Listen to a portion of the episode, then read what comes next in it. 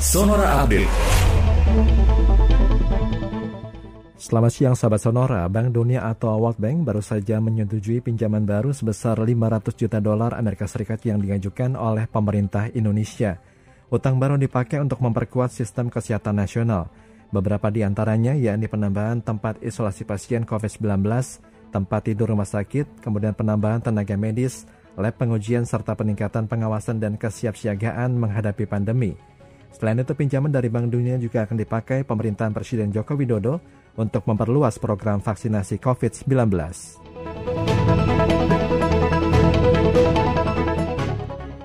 Ketua Umum Pengurus Besar Ikatan Dokter Indonesia atau PBID, Daeng Muhammad Fakih mengingatkan potensi bahaya varian Delta virus corona terhadap anak-anak, ibu hamil dan ibu menyusui. Pasalnya sampai dengan saat ini varian mutasi ganda dari India itu sudah banyak menular kepada warga berusia muda. Gejala yang dialami juga lebih cepat mengalami perburukan.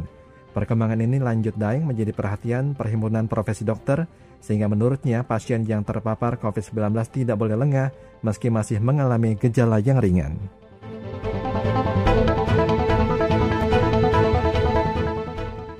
Gubernur DKI Jakarta Anies Baswedan mengajak warga ibu kota agar menghabiskan akhir pekan di rumah saja.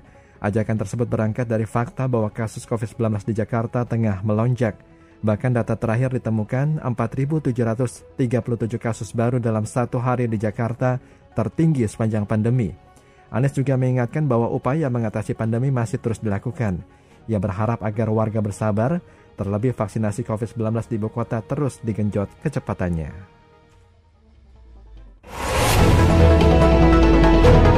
Demikian Sonora Update.